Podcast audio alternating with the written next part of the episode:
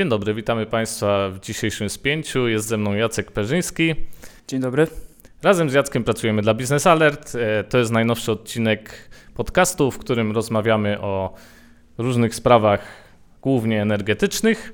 Dzisiaj porozmawiamy o Chinach, znów Chiny, o gospodarce, która miała być remedium e, w tym roku na problemy całego świata, ale jak się okazuje, niekoniecznie nim musi być. Zapraszamy.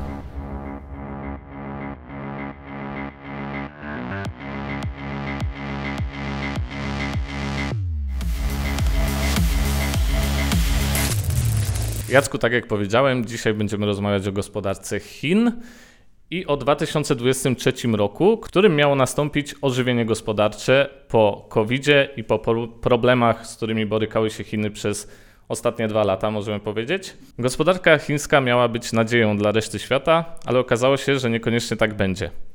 Co tam się dzieje? E, przede wszystkim należy zacząć od tego, że podczas gdy Europa mm, i Stany Zjednoczone zmagają się e, z wysoką inflacją, w Chinach występuje zupełnie inne zjawisko.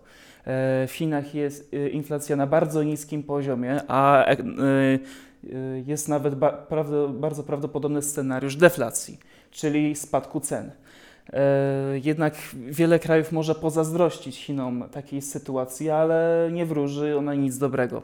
Według danych Narodowego Biura Statystycznego e, wzrost, wzrost cen w maju wyniósł 0,2%. E, w zeszłym roku było to 2%, a cel inflacyjny Pekinu, rządu w Pekinie na 2023 rok wynosi 3%. Mogłoby się wydawać, że Chiny są w komfortowej sytuacji, ale tu się akurat kłania prawo ekonomii. Deflacja, czyli spadek cen, następuje w sytuacji spadku PKB, czyli kryzysu gospodarczego albo spowolnienia. E, także, także jest wysoce prawdopodobne, że Chiny e, stracą swój, e, swoją główną siłę napłodową gospodarczą, która jest konsumpcja. I tutaj, tutaj chciałbym przytoczyć dane, że konsumpcja stanowi 60% wzrostu PKB Chin. To jest bardzo dużo. Wynika to przede wszystkim z tego, ze, słabno, ze słabnącego eksportu, oraz ze słabnącego eksportu oraz słabnącego, e, słabnącej konsumpcji. E, jeszcze inną e, trudnością gospodarczą jest spadek, spadek produkcji przemysłowej. Podczas gdy Europa i Stany Zjednoczone walczą z, ze wzrostami ceny i podnoszą stopy procentowe, Chiny, Chiny zmagają się z E, spadkiem cen, który jest bardzo niekorzystny dla eksporterów i producentów przemysłowych. E, I tu przytaczając dane Narodowego Urzędu Statystycznego, e, wskaźnik PPI w maju spadł ósmy raz z rzędu o 4,6% i to jest najwyższy taki spadek od 2016 roku. E, wielu chińskich ekonomistów e, e, wyraźnie ostrzega, że spowolnienie, gospodar spowolnienie gospodarcze, sygnały, które wysyła nam chińska gospodarcza, świadczą, że spowolnienie gospodarcze zmierza do nas wielkimi krokami. Czyli Chiny mają swoje problemy.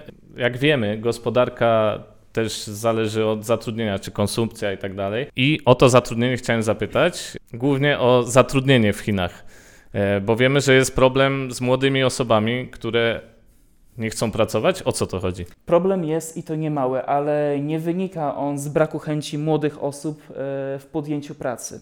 Ogólne dane prezentują się bardzo dobrze. E, pokazują, że ogólna krajowa stopa bezrobocia wynosi 5%. Natomiast w przypadku młodzieży czyli osób w wieku 16-24 lata, wynosi 20,4% i to jest bardzo dużo. W tym roku e, liczba absolwentów e, wyniesie 11,5 miliona osób i istnieje bardzo ryzyko, że jeszcze większa e, liczba młodych osób nie znajdzie pracy. E, wynika to, wynika to przede wszystkim ze spowolnienia gospodarczego, które, jak już wspominałem, zmierza do nas z wielkimi krokami, ale, e, ale też będą bardzo poważne konsekwencje w przyszłości, gdyż brak możliwości znalezienia pracy to jest, bar, to jest e, bardzo długofalowy problem gospodarczy dla Chin, którzy są, które są właściwie motorem napędowym całej gospodarki światowej. Ale oczywiście tutaj to też wynika z głębszego problemu. Tutaj też chciałbym przytoczyć trochę historii, trochę danych. W XXI, wie, w XXI wieku Chiny E, chiński model gospodarczy przeszedł na, z Made in China na Designed in China, czyli e, Pekin chciał przestawić swoją gospodarkę, swoją produkcję z tanich produktów na, e, na produkty już wysokiej klasy, a to się niestety wiązało z wzrostem kosztów produkcji.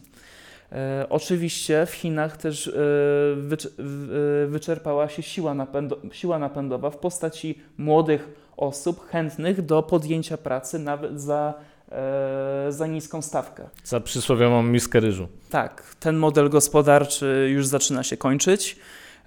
Młodzi Chińczycy już niechętnie patrzą, postrzegają perspektywy pracy w trudnych warunkach. Mam tu na myśli obowiązek nadgodzin. W Chinach jest obowiązek nadgodzin, to jest norma, nie tak jak u nas w Europie, yy, oraz, prac, oraz pracę w warunkach wysokiej, pre, wysokiej presji. A na czym polega ten obowiązek nadgodzin? Yy, w Chinach średnia ilość, średnia ilość pracy w tygodniu wynosi 60 godzin, u nas 40-45.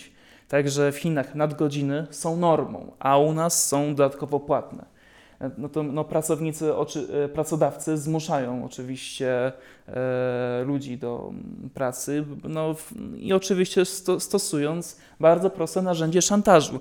Jeżeli nie podoba Ci się taki system pracy, możesz sobie zmienić, ale w innych miejscach e, jest tak samo. Jest tak samo tak.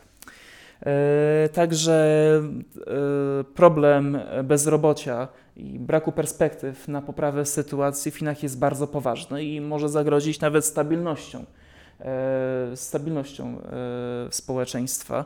Także mm, problemy, problemy gospodarcze w Chin niestety będą narastać i przytaczając, i przytaczając jeszcze prognozy chińskich ekonomistów, spowolnienie światowej gospodarki zmierza do nas e, wielkimi krokami.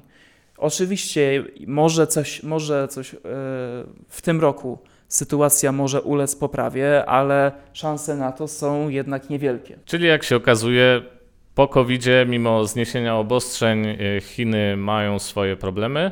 Jacku, dziękuję Ci bardzo e, za dzisiejszą, dzisiejszą wypowiedź. Już dziękuję. Dzisiejsze spięcie. A Państwa zapraszamy do komentowania i już za tydzień kolejny odcinek. Dziękujemy.